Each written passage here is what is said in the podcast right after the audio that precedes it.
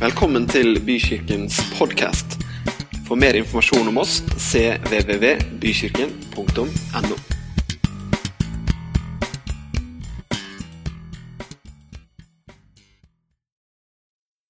Så ja, Irene heter jeg. Dere kjenner mannen min. Det er første gang jeg er her. Det er veldig veldig stas å få lov å komme, så tusen hjertelig takk for invitasjonen.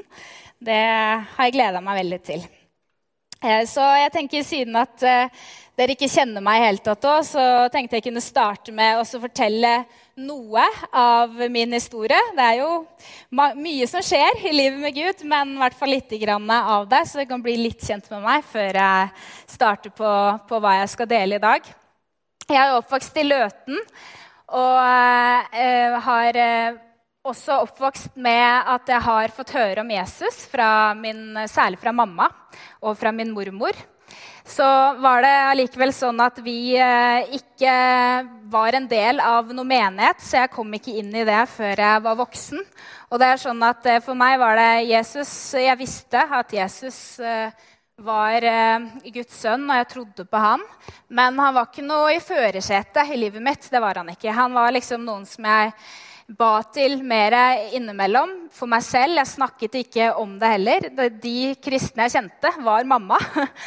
Vi hadde en kristen skole i Løten, men jeg gikk ikke der. Så da var jo alle de kristne der. Og jeg var på en ungdomsskole hvor jeg da De kristne jeg så, var ja, et par stykker som var mer enn sånn eh, ja, Smiths venner, som ikke var med på idrett. De var ikke med på noen fester og ingenting. Så for meg var det veldig veldig sånn annerledes enn hvordan det var så stor avstand. Men troen min var der, for jeg hadde opplevd Jesus. Så han, han satt der.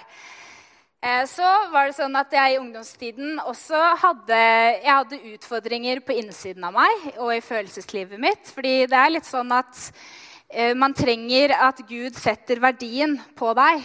Og selv om jeg er oppvokst i et godt hjem med foreldre som har elsket meg, og det har mye å si, så trenger man å kjenne den Guds kjærlighet og vite hvor høy verdi man har. Og når det, men det ikke går i en, en, kirke, og du får ikke undervisning osv., så, videre, så så har du en tro, men den, den, vokser seg ikke i moden. Og det er så mye man ikke vet. da. Så jeg tok eh, også valg og behandle Altså hvis du ikke eh, setter din egen verdi høyt, hvis den er lavt, så lar du deg selv bli behandla dårlig og behandler deg selv dårlig, og tok valg som også var eh, eh, påvirka meg negativt, kan du si. Så det var mye sånn på innsiden som ikke var helt bra, selv om jeg hadde det bra med venner og skole og alle sånne her ting. Så var det sånn at når jeg da fylte rundt 19 år, så fikk jeg en veldig god venninne som eh, var kristen. Og da var det sånn at De der tingene som var putta ned i meg, de begynte å vokse og boble opp bare ved å prate med henne. Så var jeg på et møte på Hedmarkstoppen i Hamar. Så når jeg har vært der, og Det var en, eh, en, evangelist der som heter Johannes Ambritzer, som prekte. Og jeg opplevde så sterkt møte med Jesus på det møtet der. Og opplevde hans kjærlighet og kraft og ble det som Bibelen også sier åndsdøpt, kjente uten at jeg helt visste hva det var. Så ble jeg det der. Og det satt i kroppen min i flere uker etterpå. Det ble så stor endring i livet mitt. Jeg bodde også sammen med ei venninne i Hamar det, på det tidspunktet. Og jeg begynte å liksom legge bibelvers rundt i, i, leiligheten og begynte å snakke om han, for det var så stor eh, endring, rett og slett. Det å få oppleve. For én ting er det med at Gud er en Gud. altså Han fins, og han er der ute et sted. Men det når Gud han kommer nære meg i mitt liv, i min hverdag, så nære at han faktisk flytter inn på innsiden av meg, da er det, det er noe helt noe annet. Så det, det er et sted i, i evangeliene også hvor disiplene eh, forlater Jesus, eller en del av det, ikke de tolv, men de, de, andre. fordi at de blir liksom provosert av det han sier. da. Og så sier Jesus til de tolv disiplene, 'Skal dere også gå?' Og da svarer Simon Peter at 'Hvor skal vi gå, en herre?' Det er du som har det evige livets ord. Og det har vært liksom for meg hele veien siden da at eh, hvor skal jeg gå hen, Herre? Hva annet skal jeg gjøre enn å tjene deg? Og den freden og gleden som jeg ble fylt med da Ikke det at alt liksom, da er det alt, alt, der er jeg alltid liksom, på topp. Sånn er det ikke i det hele tatt. Men den freden og gleden som jeg ble fylt med da, det at Jesus er ikke bare den billetten til himmelen, men han er veien, sannheten, og han er livet også her og nå. Han er livet her. Det er ingenting som er bedre enn Jesus. Det er ikke noen ting som vi kan oppleve eller få tilfredsstillelse i eller gjøre som noen gang vil gi deg noe bedre enn det Jesus Kristus kan gi deg. Og det for meg også å komme til en menighet Jeg elsket Jeg, altså jeg kunne sitte på, på julaften i, i Løten kirke, hvor det er Fin kirke, det er ikke det, men å få frysninger på ryggen bare for å være i Guds hus og få høre noe undervisning. Eh, så det, å, og det med Guds menighet, kirken, har betydd veldig mye for meg. For jeg vet hvordan det er også å være kristen uten, og jeg vet hvordan det er å være i en kirke. Og jeg er så takknemlig for å få lov å være en del av Guds familie, Guds kirke. Så det er noe vi virkelig kan være takknemlige for. Å ha et sted å komme, få høre forkynnelse, få treffe hverandre. Det er virkelig Hvis du er plantet i Guds hus, skal du blomstre, står det der. Og jeg har opplevd så mye barrierer og frykt og så mye ting i mitt liv. Jeg var veldig introvert og sjenert, egentlig. Jeg kunne aldri tenke meg at jeg skulle stå her. Så det at jeg skulle bli pastor, det var helt Men Gud kaller kaller og Gud eh, utruster, og han, når man opplever han, så er det så mye som skjer i livet. da. Så det å åpne opp for han. Så det var litt av min historie. Eh, og det som er overskriften min for i dag, det er 'et anker for sjelen'. Jeg har eh, prekt flere prekener allerede det, det halvåret her i Grodakirken og tenkte at det blir sikkert noe av det, men det ble det ikke. Jeg opplevde veldig at det var dette her jeg skulle snakke med dere om, så jeg tror, tror det, at det er noen som også skal få noen ting ut ifra det som jeg skal undervise her i dag. Et anker for sjelen. Og vi skal lese fra Hebrebrevet kapittel 6, vers 13-20. Det er de versene vi skal være i. Jeg skal finne det fram her, ja. Skal vi se. Da Gud ga løftet til Abraham, sverget han ved seg selv, siden han ikke hadde noen større å sverge ved han sa, 'Sannelig, jeg vil rikelig velsigne deg og rikelig mangfoldiggjøre deg.' Og så, etter at han tålmodig hadde holdt ut, oppnådde han løftet. For mennesker sverger ved en som er større, og for dem er den bekreftende eden en slutt på alle innvendinger, siden Gud var enda mer fast bestemt på å bevise for løftets arvinger hvor uforanderlig hans plan er, gikk han imellom og stadfestet det med en ed for at vi ved to uforanderlige ting som bekrefter at det er umulig for Gud å lyve, kunne ha sterk trøst, vi som har søkt tilflukt ved å gripe det håpet som er satt foran oss. Dette håpet har vi som et sikkert og fast anker for sjelen, et som når inn til det indre, innenfor forhenget, dit Jesus gikk som en forløper for oss og han er blitt øverste prest til evig tid etter Melkisediks ordning. Dette håpet har vi som et sikkert og fast anker for sjelen, står det her. Et anker for sjelen. Bibelens språk kan være veldig sånn vakkert noen ganger. Sånn, et anker for sjelen, hva betyr det for noen ting? Et anker er jo det vi bruker når vi er ute med båt for å feste båten, sånn at den ikke skal, skal drifte av gårde. Og Det er ikke så mye som skal til alltid for at en båt skal drifte av gårde. Det kan være litt bølger, kan være litt vind. Til og med når det ser ut som om det, det er stille, så er det noe som skjer under, under vannet, som gjør at den båten den drifter av gårde. Mens du og jeg har noe i livet vårt som er sikkert og stødig, og som gjør at det vi står fast. Og jeg liker at det står her at det, det er et håp for sjelen. For det betyr mine tanker og følelser. Det betyr at det jeg kan få lov å erfare i livet mitt at jeg har noe som er stabilt og trygt og som er stødig. Jeg kan erfare det i, i, i min sjel. Jeg har behov for det. Jeg trenger det i min sjel. Og, og, og det er mer enn bare en sånn ønsketenkning. Liksom. At jeg håper at det skal gå bra. Det kan vi jo alle si. Jeg håper det skal gå bra en gang. Og, men dette er ikke bare en sånn ønsketenkning. Det er et sikkert og trygt håp fordi det er i Jesus Kristus. Og det er i det han gjorde for oss. Det er i frelsen og i det fullbrakte verket og i han som det vi har vårt anker, vårt feste. Så uansett hva det er du, du går gjennom eller opplever i, i hverdagen din og i, i, livet ditt nå, så har du noe Du har Jesus Kristus som er den samme i går og i, i dag og til evig tid. Som har den samme trofastheten. Som ikke kan livet, Han er trofast. Han, han, han kan ikke noe annet enn å bli der. Det er hans natur. Hans nåde står fast uansett hva du har gjort eller hvilken skam eller hva du går og føler, så står Hans nåde fast uansett. Han er den samme i går og i dag og til evig tid. Jeg vet ikke hva som ville vært annerledes for deg hvis det du, du, nå i dag kunne virkelig bare slippe de byrdene du bærer på, det som gjør at det strammer seg litt i nakken og i skuldrene dine, og lagt det fra deg. For det kan du, fordi du har et trygt og sikkert anker. Du har en, en, en Gud som elsker deg, du har et håp som det du kan feste din lit til. Jeg vet ikke om du husker historien om når det storma på, på vannet, og, og, disiplene ligger og sover i båten når det stormer. Det er ganske spesielt. Det er kaos rundt, og Jesus legger seg og sover. Og det er, vet du hvorfor? Det er fordi han hadde et anker. Ikke sånn et fysisk anker, men på innsiden. Og det var Gud. Det var at han visste hvem Gud var. Han visste hvem han var i Gud. Han hadde et fast anker som gjorde at han faktisk kunne legge seg og sove i den båten. We have this hope as an anchor for the soul, firm and secure.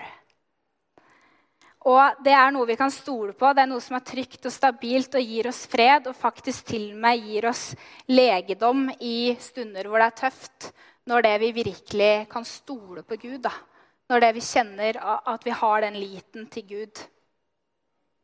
Første punktet mitt er at Jesus er vårt anker uansett vær. Her har du Trond Egil som, som skal feste anker i, eh, i, eh, når vi var på Sørlandet en sommer her.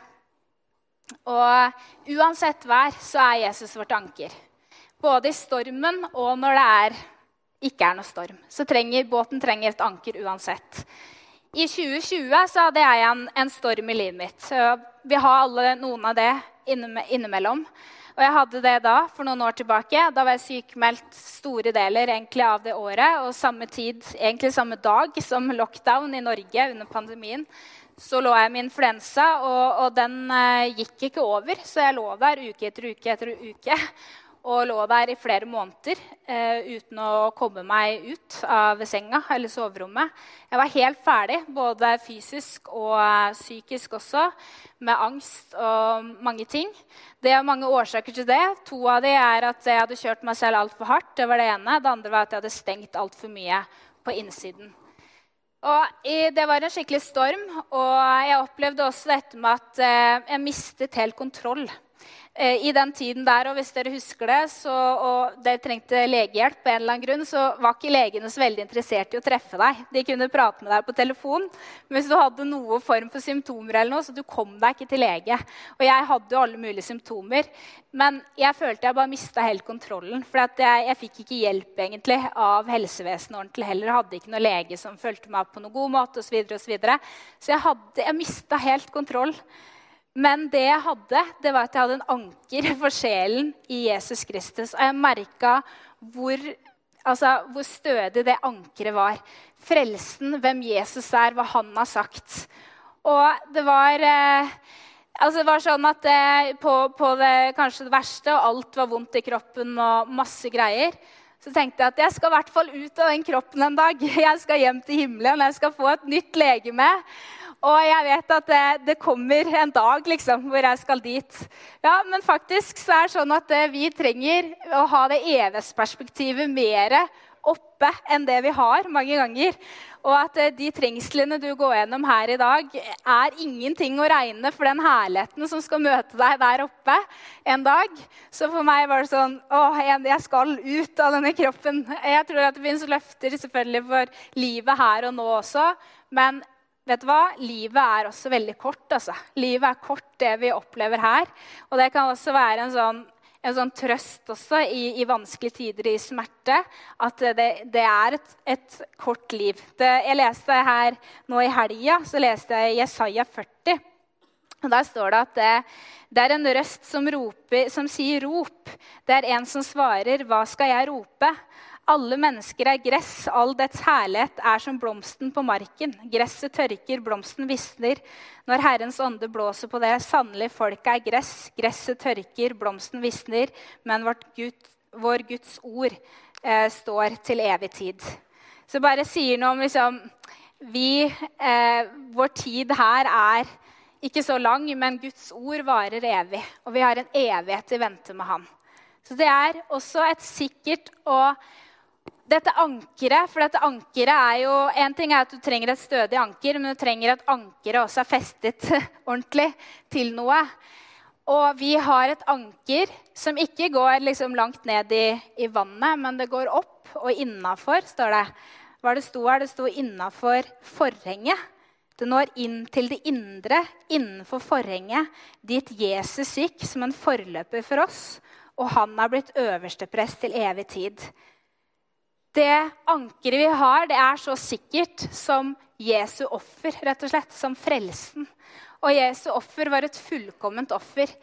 Han sa når det, han døde på korset, at det er fullbrakt. Så det ankeret du har, det er festet helt inn i det innerste, i det helligste. Det betyr at den veien der, den har blitt fullstendig åpen inn til Gud. Den er helt åpen. Og der inne Du kan nesten se på deg at du har en sånn lenke rundt foten og et anker der oppe. Og den dagen du er ferdig her òg, så bare drar han deg hjem til seg. Nå er det ankeret rundt. Det er ikke helt sånn det er, da, men du kan se for deg det. Han har, eh, Det er inn i det innerste der, og det er ingenting som kan stenge den veien igjen. Så husker når det er Jesus døde, at det der teppet i tempelet.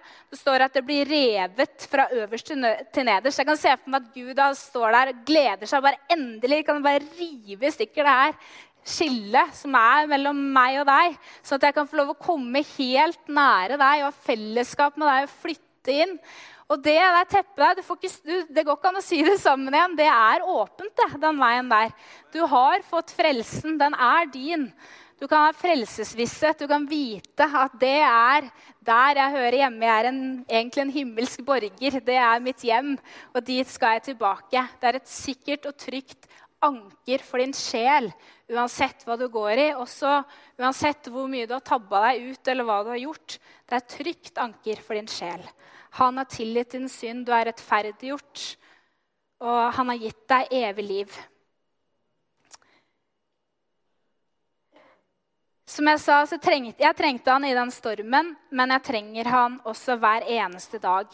Ikke bare i de verste sesongene av mitt liv, men også all, altså hver eneste dag trenger jeg Jesus som et anker for min sjel. Jeg trenger han til å holde meg oppe. Jeg trenger han til å eh, passe på at ikke hjertet mitt drifter vekk. Og det er noe av det som er min oppmuntring til deg i dag. Og pass på, det står 'bevar ditt hjerte fremfor alt du bevarer'. Bevar hjertet ditt så det ikke drifter vekk. Sånn at vi holder Jesus liksom på en sånn armlenes avstand her borte, og vi ikke slipper han helt nære. Eller vi gir hjertet vårt til andre ting enn Jesus, som blir viktigere for oss enn han. Men La oss bare, fordi Det er så mange ting som kan gjøre det. at vi, vi, Det kan være skuffelser, f.eks. Vi går gjennom i livet. Det kan være sår, det kan være synd, det kan være mange ting som gjør at liksom vi holder han litt her unna. Men han er den vår sjel elsker. Han, du trenger, Det er ikke bra for deg, det er ikke bra for sjelen din når det vi gir hjertet vårt til andre ting som blir viktigere enn Jesus. Du får det ikke bra gjennom det. Og han er for vi kan tenke det også når det vi, vi, vi, synder eller vi feiler, at vi, vi, Da må jeg liksom holde meg litt unna til Gud på en måte har glemt det, og så kan jeg komme nær igjen. Men du, i de stundene også så kan vi komme helt nær til Han og virkelig kjenne Hans kjærlighet og kraft og hjelp til å bli fri fra de tingene. Vi kan komme helt nære Han. Og utgangspunktet ditt hver eneste dag i livet ditt er det at du kan komme helt nære og bare Gud, her er jeg med alt hva jeg er. Med mine tanker, med min frustrasjon, med, med det som plager meg. Her er jeg, Gud, med alt sammen. hver eneste dag, så er det utgangspunktet for hvordan du og jeg kan leve. Å komme nær til han og la han være anker for din sjel.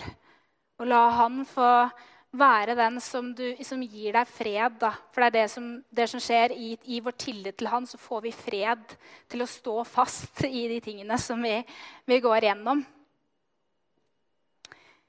Det er så mange ting som kan, eh, som kan også eh, gjøre at vi drifter av gårde. Vi kan bli tatt av veldig mye sånne vindkast som kommer da, og skal ta båten. Av andres frykt, f.eks., som blir overført på meg. Andres meninger eller holdninger eller perspektiver. Det kan jo være gode ting, men noen ganger kan det også være ikke så veldig gode ting. Som det vi blir tatt av. da. Og vi er ikke immune mot det, noen av oss. Jeg er ikke immun mot det. Som pastor og leder, det ser man jo gang på gang av ledere som ja, faller på ulike ting osv. Vi er ikke immune mot det, noen av oss. da. Vi trenger det ankeret hver eneste dag. Hebrebrevet 2,1 sier at derfor må vi desto mer gi akt på det vi har hørt, så vi ikke driver bort fra det. Gi akt på det du har hørt, så du ikke driver bort fra deg. Hvis du ser for deg du starter på en strand en gang, og du har lagt deg eh, med et håndkle, og så er det masse bølger i vannet, og du bader, så etter du har bada, så plutselig har du havna liksom langt vekk. Så er det 'Hvor er håndkleet mitt?' Jo, det er helt langt borti der. Og så har det skjedd uten at det du egentlig helt har fått det med deg, fordi det er så mye bølger i vannet. da. Så det er noe som skjer gradvis. Og jeg tror vi har en fiende som veldig veldig gjerne vil at vi gradvis skal drifte vekk ifra det som Gud sier om hvem du er. F.eks. ifra det Gud, Gud, har for deg i livet ditt. Den friheten han har. Og, og vil at du skal drifte vekk ifra det håpet holde fast på håp og tro når det du står i, i bønnesvar som lar vente på seg, f.eks. Og han ønsker å gi deg helt andre bilder i hodet ditt av, av alle feilene du har gjort, og av alle de synd at denne filmen skal rulle. Men Gud, gi, Gud, og Guds ord gir deg et helt annet bilde. Vi trenger også se i speilet vårt for å se hvem vi er. da. Hans skyldbrevet, gjeldsbrevet, har blitt eh, Du kan se for deg at Jesus har stryket ut én og én og én ting som det eh, har, du har gjort feil i ditt liv, og så har han tatt hele brevet og så festa han det opp på korset. Sånne bilder får vi når vi leser her, men fienden prøver å gi oss noen helt andre bilder som gjør at vi, vi gradvis drifter vekk ifra sannheten, ifra lyset, ifra hvem, hvem han er, da, og hvem han er i livet vårt. Så vi må pay close, close attention, står det på engelsk oversettelse. Følg nøye med på hjertet ditt, sånn at du ikke driver, drifter av gårde. Det ble skrevet til hebreerne, det her, det hebreerbrevet. Og i den menigheten her så, så, kan vi se det at de, eh, de har tatt imot Jesus, de har opplevd evangeliet, men de er på vei og er fristet til å drifte tilbake igjen til sitt gamle, gamle trossystem, altså jødedommen. Og Man kan jo lure på hvorfor, når det du har opplevd liksom friheten i evangeliet og, og, Jesus, hvorfor driver de og drifter tilbake igjen til den religiøsiteten som det de var inni? Hva er det som gjør det? For vi, vi, kan lese det flere steder hvordan det virker som det er både utålmodighet som har kommet inn, det er motløshet, det har begynt å ikke komme Eh, å holde seg borte når kirken samles osv. Og, så videre, og, så og hvorfor det? Jo, men de var under veldig, veldig tøff forfølgelse, den menigheten. De var under, eller Kristne på den tiden var under tøff forfølgelse. Og det var, en ting var romerne, som forfulgte de religionene som ikke var gamle. Jødedom var greit, men når det kom en ny religion, så ble de forfulgt. Det var ikke greit. Men det var også en forfølgelse av sine egne. Sin egen familie, kanskje. Sine egne av jødene. For de som har tatt imot Jesus. Så det var tøft for dem å stå i det. Så jeg tenker at de kanskje stilte seg selv spørsmålet er det verdt det. Er det her verdt det? Det er en kostnad. Er det verdt det? Og for deg og meg i dag, så vi, vi står ikke under en sånn type forfølgelse i det hele tatt. Men vi kan kanskje være enige at det å stå på, på Guds ord og, og, det vi tror på, blir ikke lettere med tiden, akkurat. Og vi kan også oppleve det sånn her at eh, er det verdt det? det er en kostnad. Når ulike filosofier jobber seg gjennom samfunnet, så kommer de også inn, inn i menigheten. Og det er veldig mye som eh, eh, er usikkert og kaotisk i samfunnet i dag. Av politikk og av moral og hva som er rett og galt og hva som er normalt. og veldig, veldig mange ting. Og vi er, ingen av oss er immune mot at det, eh, det påvirker oss. Jeg vet ikke med deg, men jeg får sånn ukesrapport på hvor mye tid jeg har brukt på den her hver uke. hvis dere får Det Det er litt skremmende noen ganger. Se hvor mange timer man kan bruke. Og alle de timene der sant, hvor man leser og leser og leser artikler og masse. Så pay close attention less you drift. Altså følg nøye med på hjertet ditt. Fordi at det kan skje ting at vi plutselig så er vi et annet sted på stranda enn der vi startet. Så hvordan kommer jeg meg hit? Jesus vil være et anker for din sjel. Han er ankeret som gjør at det du står fast. Og vet du, En veldig praktisk og konkret måte også, som, eh, som da også hebreerne eh, snakker om her eh, i dette brevet, er det med er dette, det står Hebreerbrevet 10,25. Jeg har det her. La oss ikke holde oss borte når menigheten vår samles, som noen har for vane. La oss heller oppmuntre hverandre. Og det er så mye mer som dere ser at dagen nærmer seg. Fordi de opplevde masse motstand og frykt ikke sant, som gjorde at de begynte å holde seg unna. Men, men forfatteren av dette brevet sier at nei, du trenger å komme inn. Du trenger å være en del av det. Og det er en veldig sånn, Du er ikke ment å leve det kristne livet alene. Som jeg sa, jeg har gjort det i mange år. Jeg vet hvordan det er. Du er ikke ment å leve det alene. Og det, det er det å holde seg altså det Jesus er anker, det er en veldig sånn praktisk og konkret måte. Og at vi, hvis vi, vi, står fast, er også ved å komme til kirken og, og treffe hverandre og høre Guds ord. Det er så lett for oss også når vi har det tøft og vanskelig, at vi begynner å isolere oss. Da. Vi begynner å trekke oss unna når det er da vi virkelig trenger å trekke oss inn.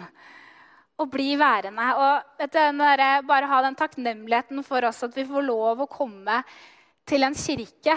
Jeg tenker Mange steder i, i landet, eller i, i verden mener jeg, så, så, må folk gå liksom mange timer for å komme til kirken. Mens vi kan noen ganger bli sånn at hvis det er, eh, plutselig blir betalt parkering utenfor lokalet, så kommer jeg ikke. Altså, vi, det er jo sånn derre Det å ha den takknemligheten da, for hva vi faktisk får lov å, å, komme og høre og være en del av i kirken. Men det er en veldig sånn praktisk, konkret måte for oss til, å, til at, vi, vi, det, at vi ikke drifter vekk, rett og slett. Det andre punktet mitt i dag det er tillit til Gud. Jeg skal prate om det. Tillit til Gud. Vi må la det ankeret gjøre sin, sin, jobb og ha den tilliten til Gud. Det er en tilstand i den sjøen som er veldig ustabil. Altså Livet er, det er ustabilt. Det er mye vindkast, er mye som skjer hele tiden. Og den tilliten til Gud den blir testet, da, den blir utfordret. Det er ikke noe som vi bare bestemmer oss for én dag heller, men det er noe vi må bestemme oss for igjen og igjen og igjen. Å ha tillit til Gud Og stå fast på det som vi tror på.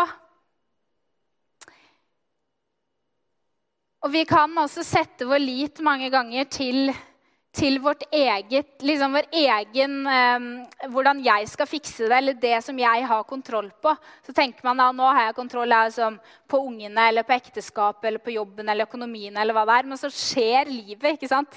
Så så fort vi har tenkt at ja, nå har jeg kontroll, så skjer det et eller annet. Så den der tilliten, den avhengigheten av Gud, den er vi ment å leve i hver eneste dag. da.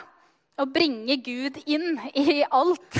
Jeg kan ikke ha kontroll. Jeg har ikke det. Jeg har ikke kontroll på, på barna. Man gjør jo det man kan, men, men, Gud, takk Gud at du elsker dem. at det, det, ikke, det, det hviler ikke på mine skuldre. Vi, vi, har ikke den kontrollen. Vi trenger den tilliten til Gud. da. Og i livet så er det sånn at eh, Gud, vi vet hva Guds løfte sier. Eh, men så står jeg liksom her borte og erfarer noe annet. Og så er det sånn gap her mellom hva jeg erfarer i livet, og hva Guds ord sier der borte. Hva gjør jeg med det? Det der gapet der, det treng, trenger å fylles med, med fred. da. For at vi skal kunne leve godt. Og det er tilliten til Gud som fyller det med fred. Det er den trofastheten, den tilliten til hvem han er, som gjør at man kan stå her og fortsatt ha det godt, selv om jeg har ikke sett det bønnesvaret enda. I den teksten vi var på i Hebrevet 6 her, så, så, står det om Abraham. Det står om at eh, han eh, eh, Gud ga løfte til Abraham. Eh, og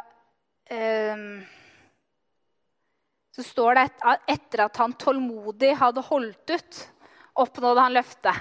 Og tålmodig holde ut, det er ikke så lett alltid. Men han, opp, han, han, fikk løftet. Og det er sånn at Vi har fått alle løftene i Jesus Kristus. Og det er et, et, trygt håp, et sikkert håp. Ikke bare en sånn ønsketenkning, men han har gitt det gjennom Jesus Kristus. Og vi ser det her og gjennom at Abraham fikk løftet, men han måtte vente lenge. Og den der ventetiden den kan jo være ganske utfordrende.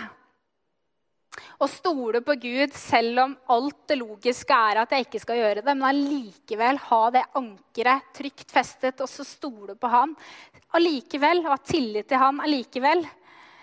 I Jesaja 40 sa at jeg leste den, jeg vil lese noen vers derfra igjen, eh, fra vers 27 til 31. Hvorfor sier du Jakob og taler slik Israel, min vei er skjult for Herren, og Gud overser min rett? vet ikke om du har vært der noen ganger hvor du har tenkt det. Gud, hva i alle dager? Hvor er du hen midt i det her? Det er det som er hvorfor. Men så sier Gud, hvorfor sier du dette? Og så sier han videre i vers 8. Kjenner du ikke til det?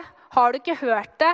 Den evige Gud, Herren, skaperen av jordens ender, blir ikke trett, og han blir ikke utslett. Hans forstand er uransakelig. Han gir den trette kraft, og den som ingen krefter har, gir han stor styrke. Selv unge blir trette og utslitte, også unge menn snubler. Men de som venter på Herren, får ny kraft. De løfter vingene som ørner. De løper og blir ikke utslitt. De går og blir ikke trette. Og her er det et sånt avsnitt som Det er den fortvilelsen av det vi tror Gud ikke ser. Men så minner Guds ord her oss på hvem Gud er. Han begynner å snakke om han er den evige Gud. Han er Herren. Han er skaperen av jordens ender. Han blir ikke trøtt, han er ikke utslitt, og hans tanker er uransakelige. Så han er med å løfte vårt perspektiv ved å vise ja, men hvem er det du tror på. da? Hvem er Gud? Hvem er det han har vært i livet ditt? Hvem er han? Og så løfter det, og så står det her at det, eh, de som venter på Herren Det betyr en sånn forventningsfull, tålmodig håp. De som venter på Herren. Det er ikke bare den ønsketenkningen, men det er en forventningsfull, tålmodig håp om at han skal vise sin vilje i sin tid. At han har seiret over det onde, og at jeg skal få se det i livet mitt. Og det her gir den kraften til å løfte seg som den ørnen som kan sveve over og, og løfte perspektivet opp. Og jeg kan få vente på han og ha tillit til han selv når det ikke jeg ser. Eh, selv når jeg står her og har det gapet. Bare fyll det gapet med tillit til Gud. Fyll det gapet, for da, da kan du få oppleve fred selv i de sesongene der. Vi kan ha tillit til han. da. Og selv når det det handler også om å ha tillit når det vi ikke ser eh, at eh, ting ikke skjer på den måten som vi ønsker. For noen ganger kan også vi ha sånn Jeg tror at vi skal komme til Gud og ha en eh, hva skal jeg si, en, Vi kan si Jesus spør hva vil du jeg skal gjøre for, for, deg. Så han vil at vi skal si tydelig hva vi ønsker. Men noen ganger kan vi også i hodet ha bestemt oss for hvordan Gud skal fikse noen ting, og når han skal fikse det. Men det er akkurat de tingene vi ikke er så gode på. Vi er ikke så gode på timing. Og vi kjenner ikke til alt. Som det sto her, Guds tanker er uransakelige. Han, hans forstand er helt annerledes enn vår. Så men vi bommer på timing, og vi kan bomme på også hvordan vi skal nå frem til det, til det bønnesvaret. Så det er noe med å ha tillit til han selv når det vi, eh, vi eh, ikke ser, eller at det skjer akkurat sånn som vi ønsker at det skal skje, men ha tillit til hans hjerte hjerte allikevel ha tillit til at eh, han, eh, han, eh, han er trofast. Da. Og han holder sine løfter. Det er noen av de tingene jeg vil si til slutt. der, det er Hvorfor kan vi stole på Gud? Hva er det som gjør at vi kan stole på Han? Og Det finner vi også i teksten her. og Det ene er det at det, som jeg sa innledningsvis, at Jesus Kristus han er den samme i går og i dag og til evig tid, står det. Hebrebrevet 13,8 står det det. Så jeg kan stole på han fordi at han endrer seg ikke. Han endrer seg ikke i det hele tatt. Hans trofasthet han er den samme, hans kjærlighet er den samme, hans nåde er den samme.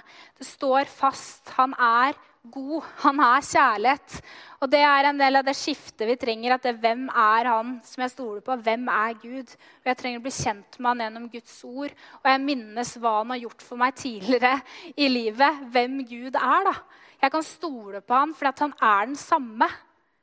Og det andre er at jeg kan stole på han fordi han står for sitt ord. Og så står det her noe fint. Det står at det, han kan ikke lyve, står det her for at vi ved to uforanderlige ting som bekrefter at det er umulig for Gud å lyve, kunne ha en sterk trøst.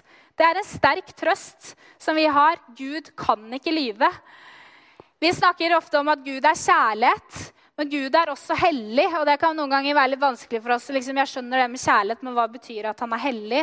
Og Det er mye å si om det, men det kan virke litt sånn litt fjernt, kanskje litt sånn vanskelig å forstå. Hva betyr det? Og det oppleves litt ubehagelig, at han er hellig. Men vet du hva, disse to tingene, han er hellig og han er kjærlighet, er tett knyttet sammen.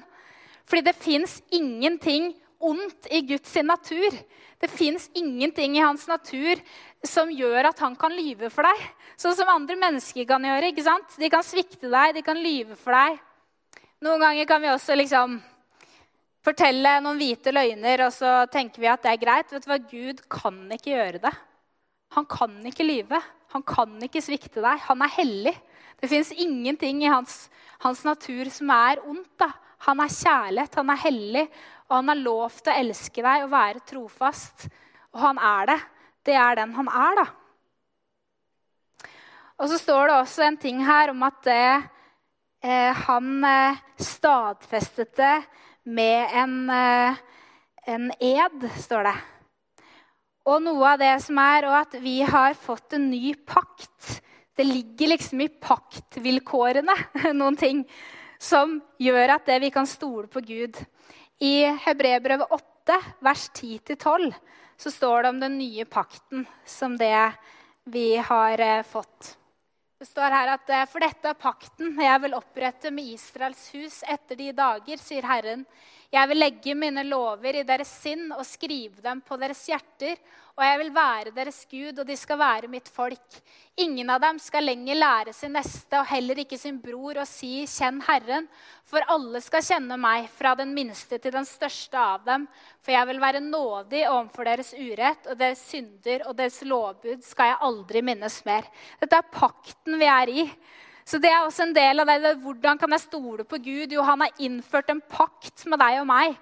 Hvor han ikke lenger eh, hvor han tilgitt våre synder, og vår lovbrudd minnes han ikke mer. Det er fordi han har fjernet det. Hvor det vi har ikke, ikke lenger de ytre kravene, men vi har fått Den hellige ånds kraft på innsiden av oss til å, til å leve ut eh, det som Guds ord er, sier til oss. Og det står også her det med at ingen skal lære sin neste å si 'kjenn Herren', for de skal alle kjenne meg, fra den minste til den største. Det er ikke en sånn teoretisk kunnskap om Gud, men det er en sånn kjennskap hvor du også er kjent av Han. Han, han som elsker deg mest, altså han som kjenner deg best, og han som elsker deg mest. Hvor du kan få komme helt nære Han og kjenne Han selv. Det er noe dypt personlig, det er noe på dypet som du kan få lov å oppleve i det fellesskapet med Gud. Da. Så du står i en pakt med han. Hans løfter feiler ikke. Han står bak sitt ord. Det er umulig for han å lyve. Og han har innført en ny pakt med deg. Din frelse er trygg. Dette er et anker for vår sjel, folkens. Det er noe som det vi kan, kan, kan eh, Som det står her også, etter at det er en sterk trøst, står det her. Vi kan ha en sterk trøst, vi som har søkt tilflukt, ved å gripe det håpet som er satt foran oss. Du kan ha en sterk trøst midt i det det står i, ved å gripe fast i det håpet. Som ikke er noe flyktige liksom, greier her ute, men som er Jesus Kristus selv. Og Det er noe av det siste jeg skal si, at jeg kan stole på han fordi han er større enn alt. Han er større det, det, her er ikke den nye Fokusbibelen, men hvis noen av dere har den, så har de ofte en sånn foran hver bok så har de en sånn overskrift. Og før hebreerbrevet så står det 'større'. Det er det ordet de har satt for hele dette brevet. Og Det er noe du finner i hele brevet. Du finner dette med større, bedre, høyere. Det står liksom flere steder gjennom hele brevbrevet. Jeg kan bare lese liksom starten for deg fra hebreerbrevet 1 her, hva som brevet innledes med. Så ser man liksom hvilken tone som settes. Hebreerbrevet 1 fra vers 1. Gud, han som i tidligere tider mange ganger og på mange måter talte til fedrene ved, eh, fedrene ved profetene, han har i disse siste dager talt til oss ved Sønnen, som han har innsatt som en arving til alle ting. Ved ham har han også skapt hele verden. Han er stråleglasen av hans herlighet og det uttrykte bildet av hans vesen. Og han holder alle ting oppe ved sin krafts ord. Da han ved, sin, ved, seg selv hadde gjort renselse for våre synder, satte han seg ved majestetens høyre hånd i det høye. Han har blitt så mye høyere enn englene fordi han har arvet et mer fremstående navn enn dem.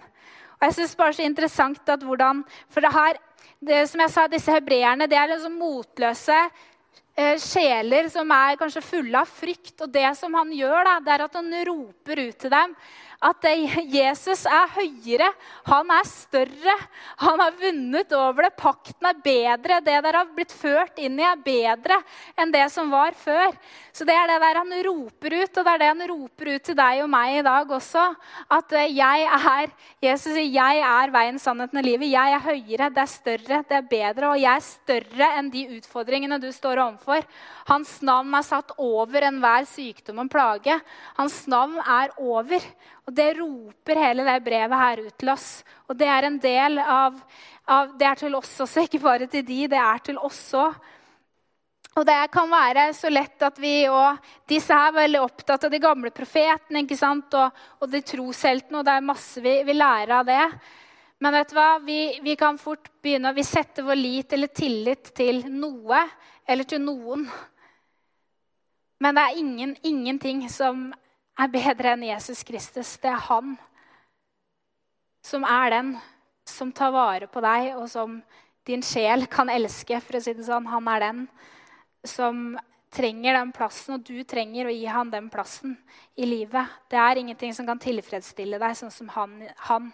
Det er ingen, ingen, håp som er ute, fordi han er håpets gud. Da. Han er, han er håpets gud. Så når det du opplever også det gapet mellom det her gapet her, som vi kan stå i alle Og det er kanskje gått lang tid, man har vært syk lenge, man har smerte lenge, man har opplevd mye lenge. Så håper jeg at det kan være oppmuntrende ord til at du kan få stå fast og kjenne at han er ditt anker i dag. Og at du kan få fylle det gapet der med, med Guds fred. Det ber jeg for deg i dag. At du kan få fylle det gapet med Guds fred, hvor du kan få kjenne hvordan du igjen fester det ankeret. Og yes, Gud, jeg stoler på deg. Jeg stoler på deg, jeg tillit til deg. Jeg kanskje ikke ser løsningen, jeg ser det ikke, men, men du gjør det, Herre, og jeg kan få lov å overgi meg til deg. Og du er håpets Gud. Vi kan sikkert få, få opp lovsangerne hvis det er, så kan vi avslutte. Og det var liksom Han er, han er fredsfyrste. Han er fredsfyrsten din, og han er her akkurat nå. Han er fredsfyrste. Han vil fylle deg med sin fred og styrke deg med sitt håp. Sånn at du kan få stå stødig i den stormen du står i, eller i den hverdagen du står i, det som ligger foran deg. At du kan få lov å stå stødig der. Han er fred. Fred som overgår all forstand. Og vi kan få lov å hvis det vi merker, og vi har, vi har jo de her fasene i livet alle hvor vi merker at hjertet vårt drifter litt av gårde inn i alt mulig. Og så er det jo, det er jo litt sånn Man drar til, dras tilbake igjen også. Men at Gud også ønsker oss å dra hjertet ditt tilbake igjen enda mer til seg, enda nærmere. Det er mer vi kan få oppleve. Vi kan få lov å gå enda dypere ned i relasjonen med Han òg. Det fins mer, da mer i han som vi kan få lov å oppleve. Og han ønsker å bare dra deg nære til seg, til sitt hjerte. Og at du kan få lov å kjenne det hvis det er hjertet ditt òg. Liksom du vet at du er liksom verdt Og du holdt kanskje han litt på avstand også pga. kanskje skuffelser, pga. mange ting vi opplever. At du kan få lov å komme nære igjen til han, til hans hjerte. At han kan få lov å kjenne hvordan han, du på nytt liksom kommer nære han. Og han fyller deg. Det er min bønn i dag, det å, at du skal få lov å oppleve fred. Du som har den uroen, du som er Ja, hvor det er liksom storm rundt deg, men du kan få lov å kjenne hvordan du selv i båten når det stormer, kan få lov å hvile da, og sove som Jesus gjorde. Fordi du har et, du har et anker for din sjel. Du har noen her, her som, som, du kan få stole på. Det er liksom ikke bare noen fine ord. Han gjør langt utover det vi ber om og forstår. Han kan vende alle, alle ting om til det gode, selv når det vi ikke skjønner hva som har skjedd. Og Det er ikke bare på en måte noen fine ord, men det er reelt. Det er den han er. da. Det er den Gud er. Så jeg takker deg for det, her. Jeg takker deg for hver eneste en i dette rommet. Jesus Kristus, jeg priser deg. Takk, far, for at du er, du er her nå med din fullkommen fred, Herre, og med din oppmuntring, Jesus. Jeg takker deg, Herre, for at du er eh, den som også Eh, leger våre sønderbrutte hjerter, Jesus. Det gjør du òg, far. Jeg takker deg for det, Herre. Jeg takker deg for at du skal bare Herre, det er du du, Helligånd, som kan komme med ditt nærvær og lege, Herre. Det er du, Jesus, som bare kan stadfeste ditt ord, far, og som kan eh, trenge inn på plasser hvor det er smertefullt og vondt også, Herre. Og jeg ber om det i Jesu navn. Takk for at frykt også må forlate mennesker som strever med det, med angst og med vanskelige ting, Herre. I Jesu navn takker deg, far, for at du tok smerten på deg. Ikke bare fysisk, du gjorde det også, men også sjelisk, Jesus. Og på alle måter, far, til frihet har du frigjort oss. I Jesu navn. Til fri, frihet er du blitt frigjort. I Jesu Kristi navn. Eh, vi skal vel lovsynge litt, og sånn, så vet jeg det kommer eh, er et forbundsteam her. Jeg er med og står der etterpå. Hvis noen har lyst til å være, komme bort, så ber jeg gjerne for deg òg. Eh, eh, og så har jeg også lyst til å si det at eh, som jeg sa, Jesus er veien, sannheten og livet. Så han, han, står der klar. Og det som ligger på bordet foran deg, som du kan ta imot, det er en full kansellering av din synd. Det er en total tilgivelse som ligger foran deg på bordet, som du kan få lov til å ta imot i dag og spise og drikke av. Det er en nåde, en nåde over nåde. Og nåde er noe som er ufortjent. Det er noe som vi får som vi egentlig ikke har fortjent. Det var, eh, jeg kom på det var her, her om dagen hvor eh, Trond Egil eller en stund siden så hadde gutta våre satt og krangla masse i baksetet. Det gjør de aldri, de oppfører seg alltid bra. Men denne gangen var et unntak. Neida, de krangla masse. Eh, og så, sa, så hadde Trond Egil tenkt nå skal jeg, nå skal jeg um, skal jeg lære dem hva nåde er for noe. Og de er veldig glad i McDonald's-mat. Så han kjørte inn på McDrive, og så ble de helt stille. Hva skal vi her? Jo, dere skal få McDonald's-mat. Hvorfor det? Vi har jo ikke vært noe snille. og så forklarte han dem hva nåde var for noe. Og de har alltid huska nåde etterpå. At jeg fikk noe jeg ikke fortjente. Jeg fikk McDonald's-burger når jeg egentlig fortjente, fortjente kjeft. Men det er sånn med Guds nåde. Du har fått noe som du ikke, ikke fortjener, og isteden har du fått du har fått, også fått hans rettferdighet. Du har fått, eh, fått eh, hans eh, Du har på en måte blitt tatt av den svarte kappen, og du har fått på deg en hvit en. Og det er det som du kan få lov til å oppleve i dag òg. Så hvis du vil ta imot Jesus, så får du muligheten til det i dag. Så kan du også komme bort til, eh, til det teamet. Så yes. Amen.